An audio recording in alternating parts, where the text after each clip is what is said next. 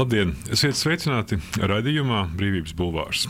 Spēlmeņa nakts balvas piešķiršana aktisē Čilpanai Hamatavai turpināja un atvēra diskusiju no jauna par to, kas ir krievi, kur pēdējā laikā pārcēlušies uz Latviju vai atbēguši dzīvot, kāda viņiem ir daļa gar Putinu Krieviju, kāda gaļa mums gar viņiem, un Ukrainā šajā laikā karš turpinās. Mūsu sarunas brīdī jau tā ir 278. kara diena. Ziņu aģentūra ziņo par raķešu nogalinātajiem, starp viņiem arī kultūras jomā strādājošie. Šodien mūsu raidījumā Brīvības bulvāris mana sarunbiedra ir teātris producente Jevgeņija Šermēja, kur dzīvo Latvijā jau septiņus gadus. Jā. Labdien! Labdien! Uh, вы когда-то э, говорили, что это было, по-моему, какое-то интервью два года назад, что театр э, как-то приносит свет во всем, что происходит в мире. Ну, освещает. Освещает. Да, очень, да. очень вытаскивает на поверхность. Сих, ну, это было до 24 февраля. И, ну, он продолжает, мне кажется, это, это делать. Вы до сих пор так думаете, да, что я думаю, что театр да. имеет какую-то особую функцию? Я думаю, что он высвечивает очень сильно все эмоции, а через эмоции высвечивать те больные точки, которые есть в обществе. Я люблю такой театр. Я не люблю театр, который пытается наклеить, э, наклеить какую-то там клейкую ленту сверху, сделать вид, что все очень красиво и гладко. Такой тоже есть. И есть очень много интересного театра, который занимается чисто развлечением людей, отвлекая их от проблем больших. Он, театр тем и симпатичен мне, что он разный, как, в общем, любое искусство разное. Фильмы же тоже бывают разные. Какие-то очень болезненные, какие-то, наоборот, ты смотришь, чтобы отдохнуть и ни о чем не думать. Но и то же здесь, самое книги. Ну, ну, мы, ну, мы здесь уже в этой студии неоднократно говорили о том, ну, какое искусство вообще возможно. Ну, Любое. Ну, наши дни. Любое. В этом и прелесть, мне кажется. В этом и прелесть, что художник может выражаться так, как он считает нужным, потому что для него это возможность сказать человечеству о том, что его волнует и беспокоит, а дальше уже зрители либо они понимают это и признают и принимают, либо это становится там, каким-то уделом малой части аудитории. Но мне кажется, что на любой вид э, на любое произведение, сделанное художником, всегда найдется какая-то аудитория. Где-то это будет большая, широкая аудитория, где-то будет маленькая, где-то будет только один человек. Ну, вы знаете, наверное, это выражение Адорно, что после Аушвица поэзия невозможна. Ну, это тоже эмоциональное высказывание. Это тоже эмоциональное высказывание человека, который в настоящий момент времени, когда он произносил эту фразу, или писал ее, или думал об этом, он переживал определенные, определенные эмоциональные переживания, которые привели ему к такому высказыванию. Но ну, это не значит, что это для всех. Ну как это для вас, ну после того, что происходит э, на, э, в Украине. Как э, это влияет а как... на того, ну, что вы хотите а как художник, да, или... А как художник иначе может высказываться, кроме как через то, что у него он умеет делать? Художник умеет делать, рисовать картины, писать книги, сочинять стихи, писать музыку, исполнять музыку, писать пьесы, делать пьесы. Это, это способ, этот способ коммуникации с миром. Журналисты пишут статьи, формируя, формируя общественное мнение в какой-то степени, да, или отзываясь на общественные вопросы. А художник высказывается так, как он умеет. Ну, мне ну, ну, ну, ну что может нам искусство вообще помогать э, ну, понять, если происходит война, убивают людей, ну, ну вы чё, знаете, где там место вообще для искусства, если ну там. Вы знаете, мои друзья, например, в Киеве сейчас, и э, ну кто-то мои друзья из них не очень много, кто-то мои бывшие или нынешние коллеги анонсировали сейчас в Бургтеатре в Вене большой проект, который mm. будет называться "Без них". А, имея в виду, что большинство из тех, кто сейчас занимается современным театром в Украине, имели большой опыт работы в Москве. Так или иначе, часть их жизни была связана с театром ДОК, с Еленой Греминой, с людьми, которыми, которыми это была большая одна компания.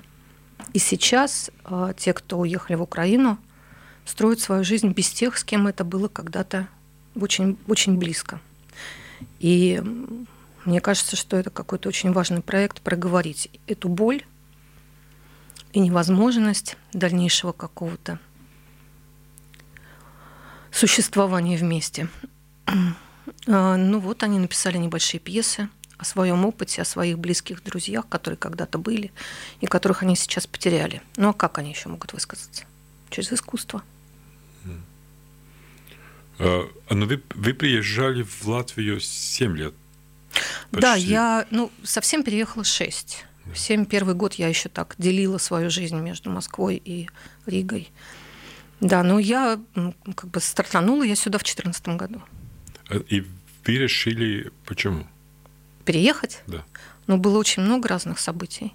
Ну, в том числе, ну, как я проработала 12 а, с 11 по конец 13 года я работала в правительстве Москвы и очень много понимала, когда там все это началось. Я очень много увидела изнутри о том, как это происходит. Именно что? Ну, как строится политика, какие люди занимают э, высокопоставленные положения, люди без образования, без понимания, без эмпатии. Вот такой отрицательный отбор в чистом виде. Я помню, меня отправили один раз как представитель департамента культуры на какое-то совещание, связанное с, а, связанное с разными национальностями России. Это был федерального уровня совещание, оно проводилось онлайн – кто-то сидел в Кремле, кто-то сидел где-то еще. Меня, мне надо было прийти почему-то в управление милиции города Москвы, полиции, ну, в главное управление полиции, потому что там была какая-то вот эта вот комната, в которой проводилось совещание, откуда шла трансляция. То ли это делал как раз э, министр вот внутренних дел, связанное с тем, как разбираться с национальностями там, в вопросах, когда там или иначе, так, где-то в разных местах возникают какие-то проблемы. И я помню, что выступал Владимир Лукин, уполномоченный был когда-то по правам человека. И я сидела, вокруг меня сидели чиновники московского правительства, большинство из которых были силовики, конечно. Это для меня был первый опыт попадания в такую компанию. И как они глумились, сидя в комнате, над выступлением Лукина. Причем Лукин же он вполне себе системный человек, он не, не какой-то там очень серьезный позиционер, он просто нормальный, э, как бы нормальный э, человек, выросший в другой системе и мыслящий категориями человечности в какой-то степени. И когда он говорил о том, как необходимо думать и помогать людям малых народностей в России, и что необходимо поддерживать культуру, образование, поддерживать наличие языка.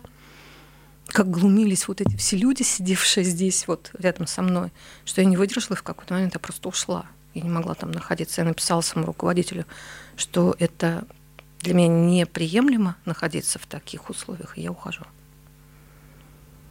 И вы приехали в Рио. Ну, не, не сразу с этого да. совещания. Да. Но это было одним из, те, одним из таких впечатлений, которые, в общем, показали мне, что, к сожалению, все идет в очень плохом направлении. Ну, с вашей точки зрения, это то, что происходит, это война Путина или это война всей России? Это война Путина и тех людей, которых его, э, его злой гений поднял со дна. Это ил, который он поднял со дна болота и дал ему власть. Надо понимать, что люди с более-менее каким-то серьезным отношением к жизни, люди более-менее обладающие эмпатией по отношению к окружающему миру, они вымываются из системы управления Россией уже давно, на протяжении последних 10 лет точно. Там нет случайных людей. Не просто так вокруг него бывшие охранники без образования, вечно преданные такие, да, а, это люди, которые принимают решения на самом высоком уровне. О чем они могут принимать решения? О чем они могут мечтать? О новой квартире, машине и удобствах для своей семьи. Больше ни о чем. Их кругозор ограничен. А те, которые, не знаю, э, искусством занимаются, не ну, все а... ведь уехали. Ну, многие очень многие уехали. Ну, многим некуда уезжать. Многим некуда уезжать. У многих есть родители. Надо жить. Надо зарабатывать как-то деньги. Понимаете, в школу идти преподавать... Куда идти человеку, который всю жизнь преподавал театральное искусство? В школу преподавателям это вариант, да, но теперь в школах преподавателей всех обязуют вступить в партию Единая Россия и а, быть, как в советское время, а, как бы в контексте того, что пишет руководство партии. Есть обязательные вещи, которых ты не можешь избежать. Наверное, кто-то будет уходить в котельные, кто-то будет уходить, я не знаю куда, но деваться-то некуда совершенно. А, этот э, промоз... безобразный вот этот гадкий ил, он просто размазан по всей стране сейчас. Если раньше еще были места, где можно было укрыться от этого, то теперь этого нет. Вы думаете, что это как-то сравнимо с 1937 году? Вы знаете, мне иногда кажется, что хуже. Потому что тогда была какая-то еще у людей внутренняя закалка и мечта, в, и, и плюс мечта в лучшее. А сейчас нет ни, ни одного, ни другого. Сейчас даже мечты о лучшем не осталось. Людей вообще ничего не держит. И поэтому люди превращаются в безвольных существ. Именно потому, что у них нет никакой перспективы. Но мы не слыхали, что там убивают, там как э, в Ну, слушайте, а, во-первых, убивают. Ну, потому что... Ну, ну, в таких объемах, или мы не знаем? Нет, не в таких объемах, конечно, но а, у тебя нет защиты. Ты не, ты, у тебя нет гарантий никаких, что с тобой ничего не случится. А убивают. И об этом знают. Во-вторых, а, вся полиция направлена на то, чтобы гасить а, выступления против власти, и никто не занимается расследованием реальных преступлений. И я думаю, что бандитизм растет на глазах, на улицах, и ходить по улицам скоро будет тоже очень опасно. По многим причинам, по причинам обнищания массы людей и по причинам э, людей, ну, по причинам того, что некому их ловить. И никто не будет их ловить. И уже давно, уже на протяжении, там, не знаю, последних 10 лет обращаться в полицию, чтобы защитить свои права, бессмысленно.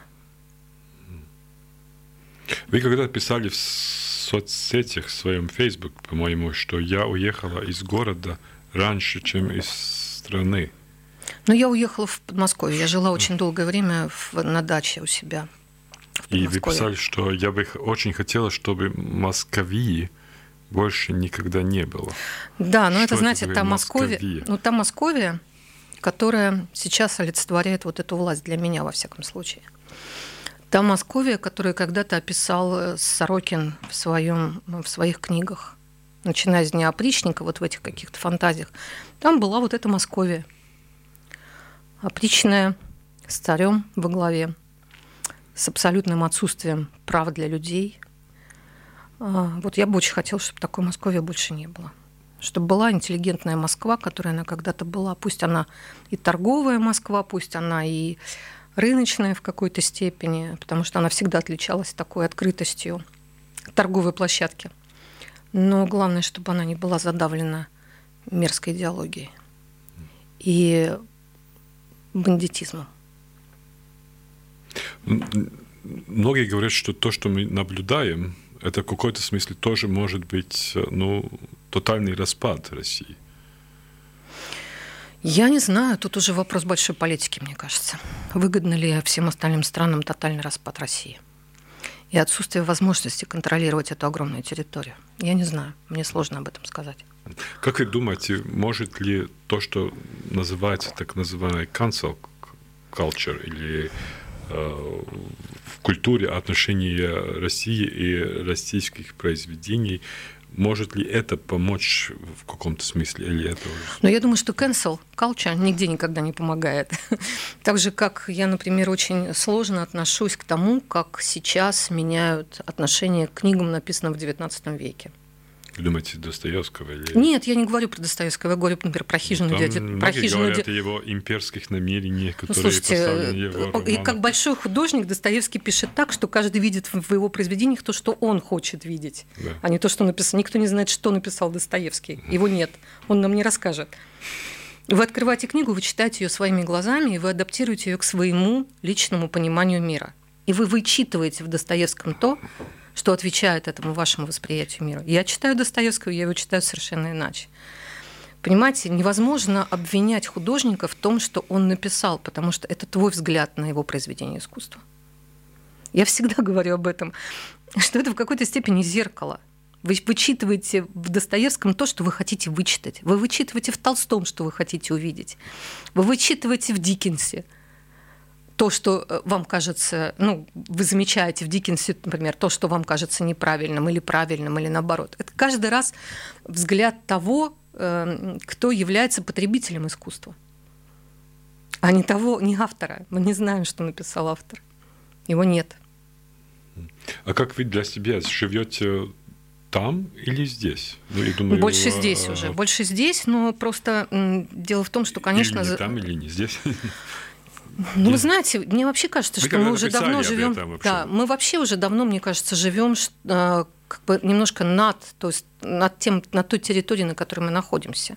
Потому что у меня очень много людей находятся, друзей, находятся в Америке. У меня какие-то есть друзья, которые живут в Европе я очень, когда я и с ними очень часто общаюсь, у меня такое ощущение, что я на этот момент переселяюсь в Германию. Из-за этой виртуальной Конечно. культуры. Конечно. Мне кажется, в этом, вот в этом есть что-то, что в тот момент, когда ты начинаешь очень плотно общаться с человеком из какой-то другой страны, конечно, ты себя начинаешь ощущать причастным к тому, что происходит там.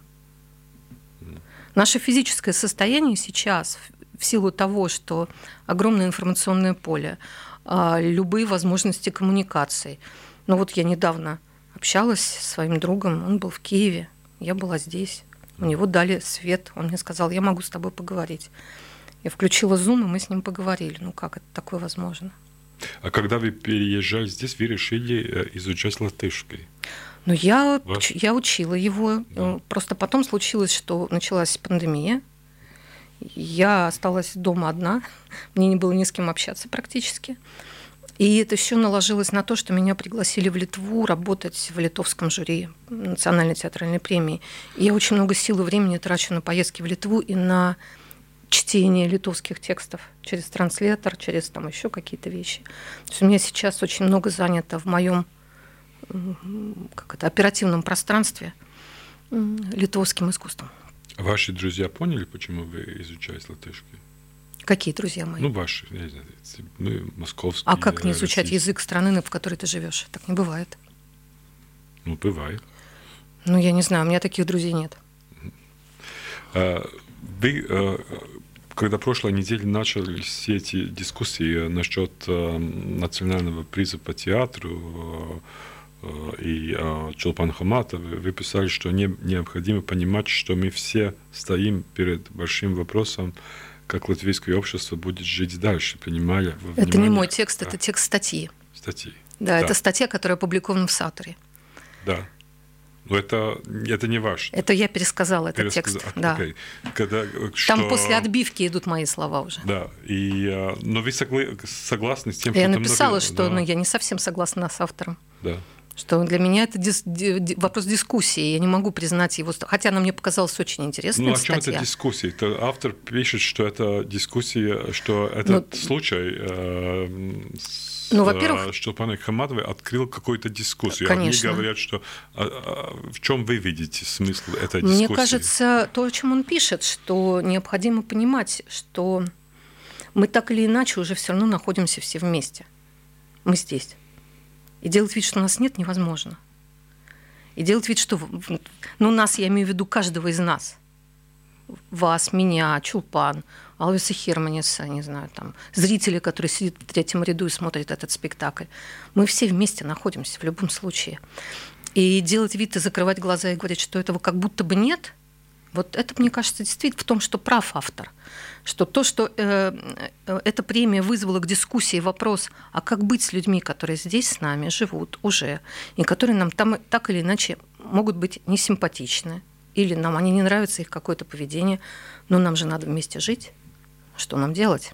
И вот эта дискуссия, мне кажется, она очень важная. Понимаете, когда говорят, э, когда говорят, давайте э, возможность работать только украинцам, а почему мы исключаем из этого дискурса белорусов, которые уехали два года назад, спасаясь от казни фактической, да, потому что мы понимаем, что там забивали в тюрьмах насмерть. И очень многие уехали, а сейчас они бесправны. Про них все забыли. Они приравнены к стране, которая поддерживает путинский режим. А они не такие. Они уехали два года назад, спасаясь от преследований. Но у них нет никаких возможностей. Ну почему? Я видел, что там а, человек, который программировал а, фестиваль листопад, начал работу на Варшавском фестивале этой осенью. Кто как, да. кому как везет. Но я могу вам сказать, что я тоже общаюсь с людьми, которые программировали листопад. Да. И все очень непросто. И документы не оформляются. И очень сложно получить возможность работы. И нету такого расположения, какое было раньше. Артис Вец, философ, этой статьи на Саторе, которую вы упомянули, он, ну, его, он выдвигал вопрос, в какой смысле мы можем ну, уделить личность художника или актера или не знаю, режиссера от его работы, от того, ну, что не, он не, не сделал. Можем. Не можем, конечно. Но, на мой взгляд, мы не можем это отделять. Понимаете, это тоже то, о чем я говорю. А, вроде как жизнь обнуляется. Ты переезжаешь в другую страну, начинаешь какую-то совсем другую жизнь, никому не интересно, чем, какие были достижения в прошлом, никому не интересно, что ты умеешь, что ты знаешь, тебе надо доказывать это каждый день и каждую минуту. Это по вашему опыту, вы говорите Конечно. здесь, да? Да. А потом это каким-то образом опять как-то появляется и помогает тебе в жизни, но в какой-то момент ты понимаешь, что бесполезно апеллировать к тому, что было. Но это же не значит, что этого не было. Оно все равно всегда с нами. Все, что мы сделали и хорошего, и дурного, и плохого, и сомнительного, и, и прекрасного, и человечного, и ошибочного, это все равно весь этот опыт, он за нами идет, он так или иначе все равно наш шлейф. И отделить нас от того, что мы сделали, невозможно. Это мы сами не можем отделить себя от этого. Тогда, ну, когда вы смотрите, не знаю, спектакль а, а, по скриптум, мы смотрим Чулма, Чулпан Хаматову, которая уже Но ну, я имеет смотрю... все то, что происходило до этого. До Нет, ну, конечно, когда мы смотрим... Нет, смотрите, я сказала про э, личность, про человека, mm-hmm. без относительно того, э, это образ или не образ. Потому что когда мы говорим о художнике, художник все-таки является сам а, той личностью, которая меняет пространство.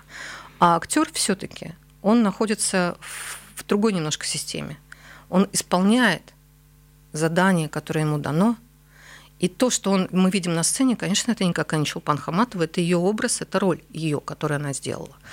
Мы не можем говорить о том, что это Чулпан Хаматова нам рассказывает о том, как она довела девочку до самоубийства. Правильно? Но теперь мы оцениваем не роль, а нет, но мы же не можем а, говорить о том, что на сцене происходит с точки зрения того человека, который там находится. Там находится не человек, там находится артист в профессиональной деятельности, который исполняет возложенную на него роль. Это не Чулпан Хаматова она как актриса исполняет совсем другое. Это не ее, не ее текст, не ее э, поведение, не ее образ, э, который мы там видим. Это не она. Вы не думаете, что, ну, не, не знаю, в, в кинорецепции звезд э, все равно считается, что а, смотря одну вещь, а, все то, что он делал до этого, тоже как-то влияет на наши органы Слушайте, чувств, пост... на том, как мы это, э, пост, воспринимаем. это пост, постмодерн, без, в котором без этого невозможно. Мы все это прекрасно понимаем. Да. да, он опирается на исторический опыт культуры. И он часто заимствует и осознанно цитирует. И актеры осознанно используют свое. И, и мы можем сказать, да, что актеры осознанно используют, используют свою персоналити всегда. Это часть нынешней современной культуры. Мы без этого никак не можем. Но это не значит, что когда я смотрю на сцену и вижу Чулпан Хаматову, играющую в этом спектакле, я сразу думаю о том, что это Чулпан Хаматова, которая основала фонд «Подари жизни», спасла жизнь, не знаю, там, тысячам детей. У меня такой ассоциации, конечно, нет. Вы тоже, если бы вы, вы были в жюри, дали Чулпан приз? Я сам? не думаю. Я не думаю. Ну, во-первых, я, слава богу, не в жюри, у меня литовское жюри. У меня 125, наверное, как минимум будет спектаклей, которые должны посмотреть за ну, этот сезон. Ну, если... И у меня там тоже непростой выбор. Да, у меня там тоже непростой выбор. Но я вам скажу, что я, например, очень рада работать в своей в своем году, вот хотя это был год так нежданно, несчастно оборвавшийся для меня, театральный год, вот 2019-2020, э, потому что был э, локдаун первый в марте. И мы не досмотрели многое просто, и многое просто рухнуло. Да? Мы, у нас был такой жюри, которому не очень повезло. Но с другой стороны повезло, потому что наше жюри было впервые приглашено на Валмерский фестиваль Ну, из-за того, что все так перенеслось из-за ковида. И я считаю, что мне ужасно повезло, что я попала тогда на этот фестиваль с нашим жюри. Мы там провели три дня прекрасных. И посмотрели замечательные тогда там спектакли, которые изменили мое отношение ко многим режиссерам тоже и актерам.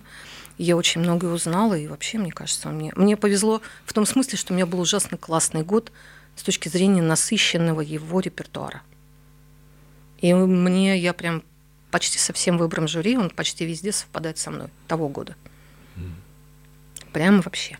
Но некоторые говорят, что жюри в этом смысле хотело открыть какую-то дискуссию. Ну, возможно, я там не была, не могу вам сказать. Это Хотела, хотели умная, ли они, умная, хотели ли они открыть ее или умная, нет, не, или нечаянно это наступили на эту больную мозоль. Но, ну да, ну вот смотрите, хорошо, они бы не взяли этот спектакль в номинацию. Мы бы имели другую дискуссию, почему жюри намеренно игнорировал один из самых заметных спектаклей сезона. Он же заметный спектакль сезона. Ну, Безусловно. Безусловно. Да, почему жюри намеренно игнорировало одну из самых ярких э, ролей в этом сезоне? Потому что это тоже, безусловно, так. Можно спорить по поводу спектакля, но он один из самых заметных и привлекательных спектаклей сезона. Может это жюри себе позволить? Мне кажется, нет. Если жюри его взяло в номинацию, то, конечно, жюри не могло не взять актрису, которая исполнила там эту роль, потому что она единственная там – то было бы тоже странно, как бы, если бы жюри намеренно не отметило ее в номинации. А уже когда мы посмотрим на номинацию, ну, наверное, это даже и в, и в номинации было понятно, кто, кто претендент на первое место. Ну, как-то это вот, если, если идти в обратном направлении, то мы придем к этому результату так или иначе. А почему именно, я думал, ну почему именно Хаматова? Здесь многие, ну, приезжали, которые, которых мы ну, даже не Чулпан знаем. страшно но... талантливый человек. но это ну. правда. Она очень талантливый человек. Во-вторых, она очень э, эмоциональный человек и очень проявляет всегда эти эмоции, не стесняется. В-третьих, она привыкла к публичности, которая обязывает, обязывает ее вот к какому-то такому поведению. Ну, она всегда вызывала разговоры. С самого первого появления на сцене. Ее первый спектакль в Рамте был дневник Анны Франк. Про нее узнали вот как бы и заговорили все сразу, одновременно. Ее первый фильм, про который мы можем с вами вспомнить, «Время танцора», да, где она стала одной из самых ярких звезд, наверное, тогда этого кино 90-х. «Время танцора», «Страна глухих», еще что-то тогда в том периоде. Ну, «Время танцора», наверное, все-таки самый такой яркий ее фильм был, один из первых. Ну, мне так кажется. А, и всегда вокруг нее вот была вот эта волна внимания, а всегда была, она всегда привлекала это. Это у человека вот такая харизма. Быть триггером для общества, для любви и ненависти. А, а в какой смысле, ну, лакмусной бумажкой есть на русском языке. Ну да, конечно. В каком да. смысле этот случай с Чулпана и Хаматова? Ну, мне кажется, она скорее не лакмусовая тоже... бумага, нет. Она, она скорее триггер, который... о чем-то другом вообще. Да, она просто как будто бы вот то самое, она, она является тем самым, той самой пульсирующей точкой, а, приближение к которой всегда вызывает а, общественную дискуссию. Как я вам сказала, она могла молчать, все равно все говорили бы об этом. Она может говорить, все будут обсуждать, что она говорит, или как она говорит, или почему она молчит, или почему она что-то делает, или почему она что-то не делает. Это такой, такая, ну, как бы сказать, такая у нее судьба. Быть человеком, привлекающим внимание. Ну, то, что было, это совершенно видная коллаборация после Крыма с Путиным, это тоже не... Это до Крыма было. Это не после Крыма.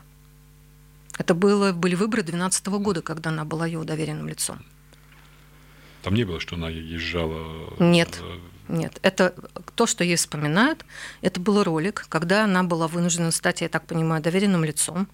Это институт доверенных лиц, который включили в России какое-то время назад, когда выбираются знаменитые люди, и их вынуждают записывать ролики. Ну, это реально вынуждают. Я просто знаю, как это делается. Людям звонят и говорят, э, вам звоним из администрации президента, мы бы хотели, чтобы вы записали ролик в поддержку выборов э, президента. Вот вы стоите перед выбором, можете сказать нет.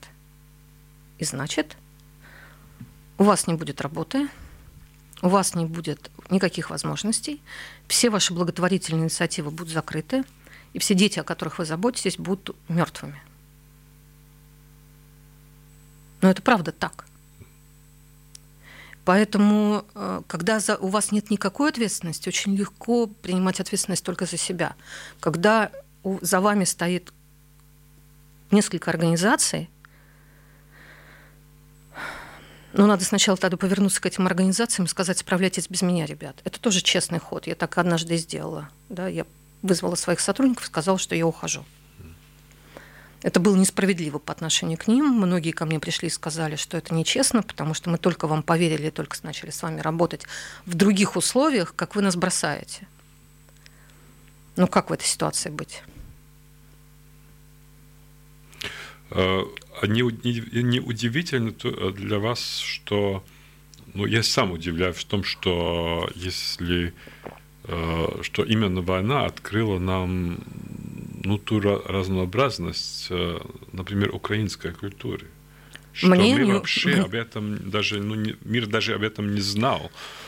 Почему? Мир знал, я знала. Я много ездила в Украину раньше. Я привозила украинский театр в Россию делаем гастроли с ними вместе. Я очень любила группу Даха Браха. Я с ними с 2009, по-моему, года вместе.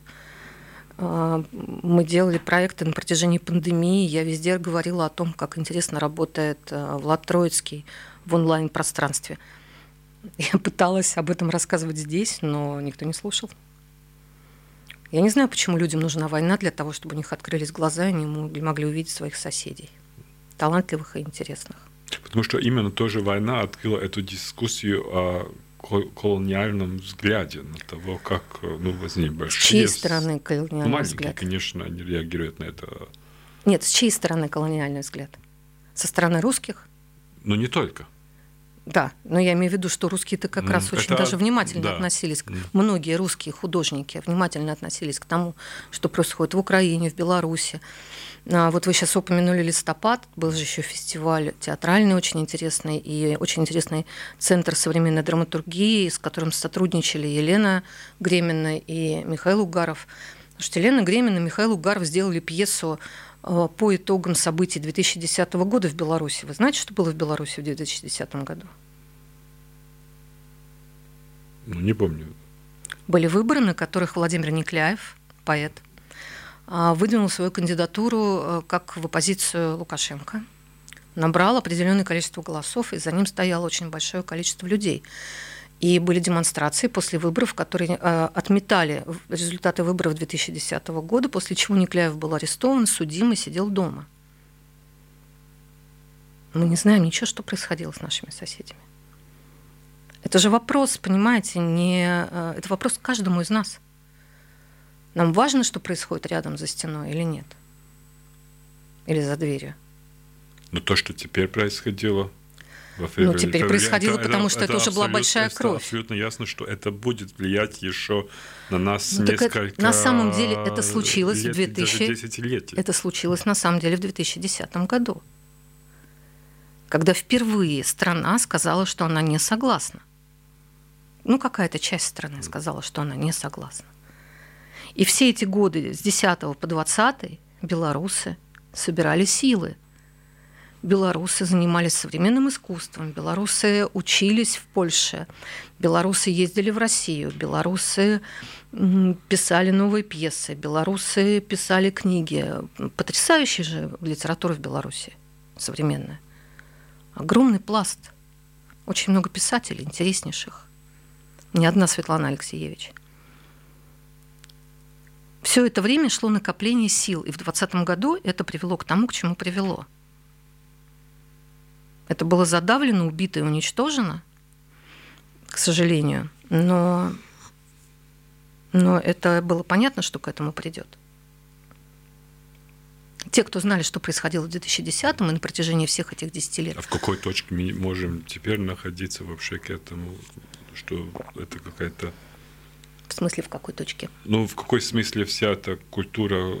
Она выкинута из страны, почти вся. Там кто-то остался, кто не может уехать, но в основном все уехали.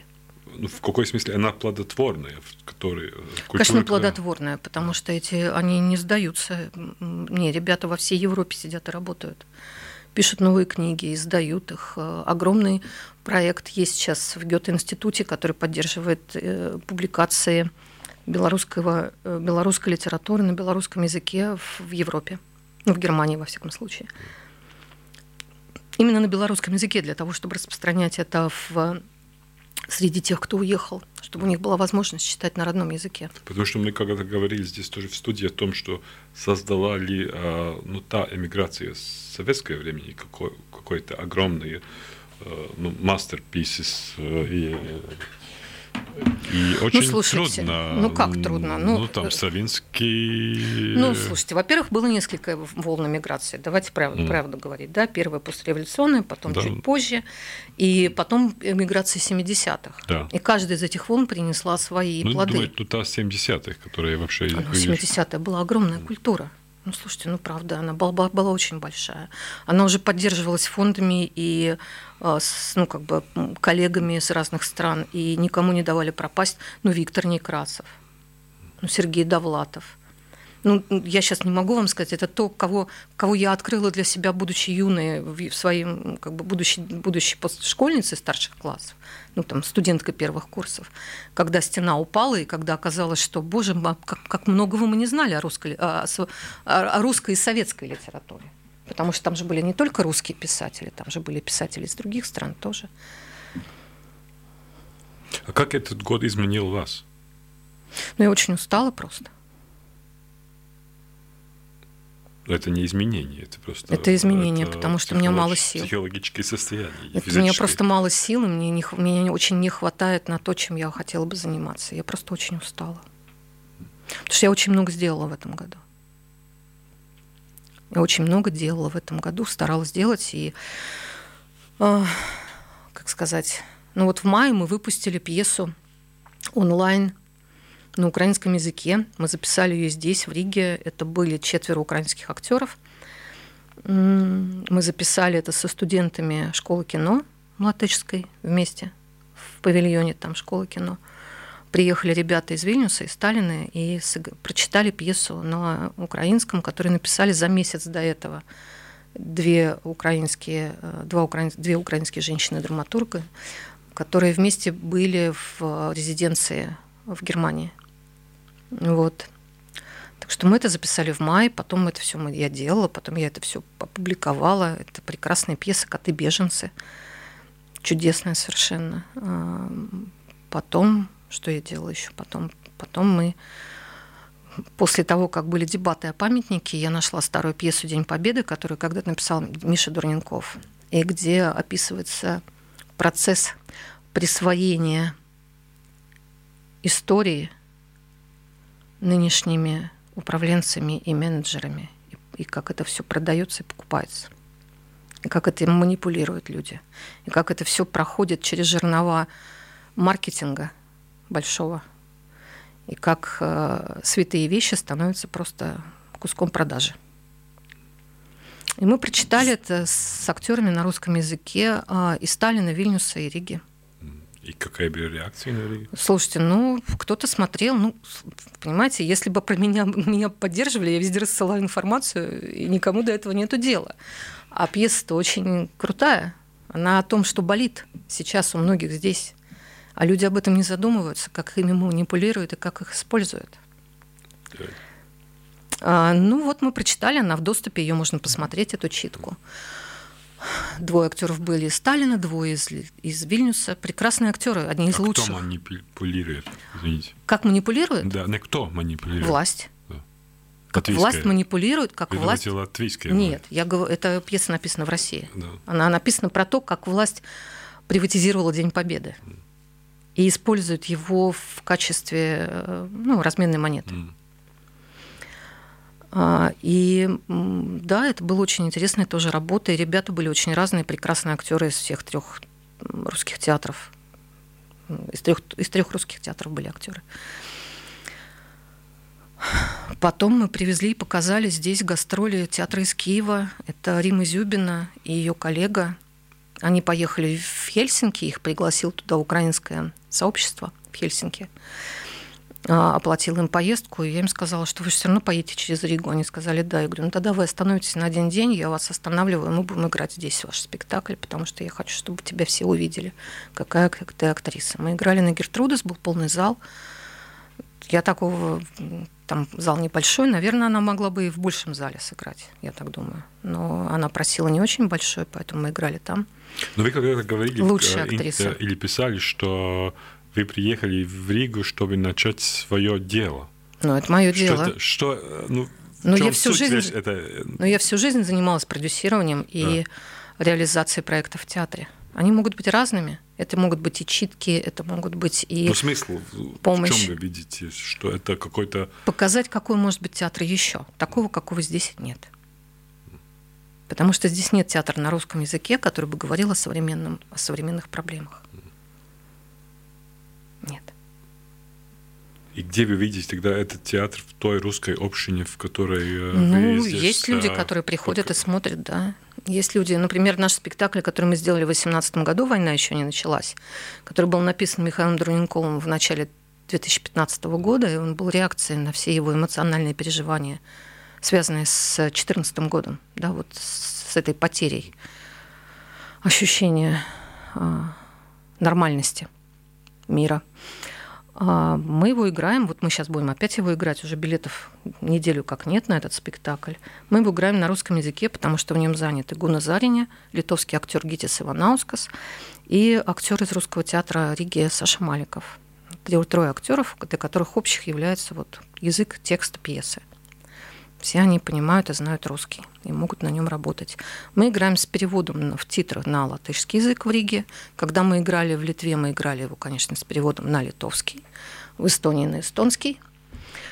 Мы уже и там, и там, и там побывали с этим спектаклем. И, ну, мне кажется, это очень важный спектакль. В нем важные темы абьюза, ненависти, любви – есть, есть история fake news, где вот про, про манипуляцию общественным мнением и до чего она может довести даже в семье, внутри семьи. Вот. Я таких спектаклей здесь не видела, поэтому я ими и занимаюсь. А чем отличается? Ну, вы очень много э, видели в Литве, да. даже в Эстонии. Э, ну и в Германии. И как эти нарративы здесь э, отличаются между, между балтийскими странами. Но они совсем разные. Все три страны совсем разные. В смысле...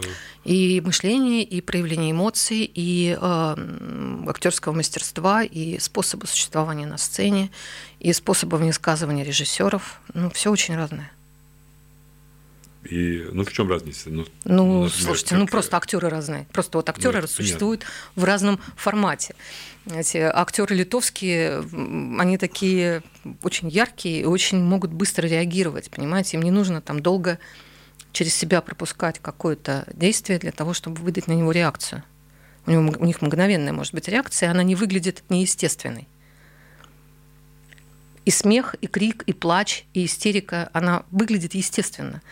Если бы так себя вели, наверное, латышские актеры, это бы выглядело неестественно, потому что у них немножко, у, у, у театральной школы Латвии немножко просто другой стиль. Он другой, он прекрасный. Мне он очень нравится. Он тонкий, он очень хрупкий. Там видны какие-то очень маленькие, как вот спектакли, например, для меня это стало очевидно в спектакле Элмара Синькова «Два гаража», который он сделал в Эстонии, где были эстонские актеры и латышские актеры – но это просто было неимоверное счастье наблюдать за тем, как актеры существуют на сцене. Вот это мелкие, мелкое на каждую, каждую секунду существования на сцене считывается. Вроде ничего не происходит, а ты видишь, что в актере идет какая-то своя жизнь. И это прекрасно. А эти две общины, которые, ну, в которые, с которыми вы связаны здесь, латышская и русская, вы как-то между ними? Ну, я Или не могу сказать, я не могу сказать, что я, как вы это видите, что я вообще э, как-то в русское общение, потому что я, когда приехала сюда, основные мои все-таки друзья были латыши. И Моя профессиональная жизнь проходит большей частью, конечно, в латышском сообществе молодых и молодых людей, потому что я занимаюсь независимым театром, не государственным. В негосударственном театре в основном молодые люди. И мои коллеги, с которыми я очень много провожу времени, они люди молодые, что дает мне какой-то тоже особый взгляд, я думаю. Я очень, не очень хорошо знаю вот это вот э, русскоязычное латышское общество людей, которые родились и выросли здесь. Я с детства даже когда приезжала, это все равно были какие-то другие, у меня был какой-то другой круг общения. Я только что наблюдал ну, в Таллинском кинофестивале, что там приезжали некоторые русские кинопродюсеры, которые между собой говорили, что лучше ну, там, не говорить, что я там подключаюсь в питчинге из Москвы, ну, Даже, скрыва, скрывали, скрывали, скрывали свою. свою эту русскую Но если люди хотят работать, они вынуждены так себя вести иногда. Что делать? Ну, а что им делать? Они хотят работать, в них заинтересованы какие-то еще люди, они умеют работать, у них есть связи в европейском кино, они довольно полезные люди там даже для каких-то не знаю, не русских проектов, да, они, они могут и умеют это делать, они кому-то нужны, ну, да, если общество их не принимает в таком виде, значит, надо, чтобы тебя принимали в каком-то другом виде, видимо. Я не знаю, не могу сказать. Но вы ведь ну, тоже чувствуете это? Я не чувствую этого. Нет, я не чувствую этого совершенно, но я могу понять этих людей. Я, может быть, с ними не согласна, но я могу их понять. Мне вообще кажется, что понимание – это самое главное, что должно быть в нынешнем мире. Я не говорю про согласие. Нет, каждый человек должен принимать решения самостоятельно и нести за них ответственность. Но понять другого можно. Не обязательно принимать это. Ну, не знаю, понять там Путина невозможно, по-моему, очень. Ну, я же не говорю о монстрах. Я же говорю о людях, которых, с которыми мы общаемся рядом. Понятно. Спасибо вам. Пожалуйста.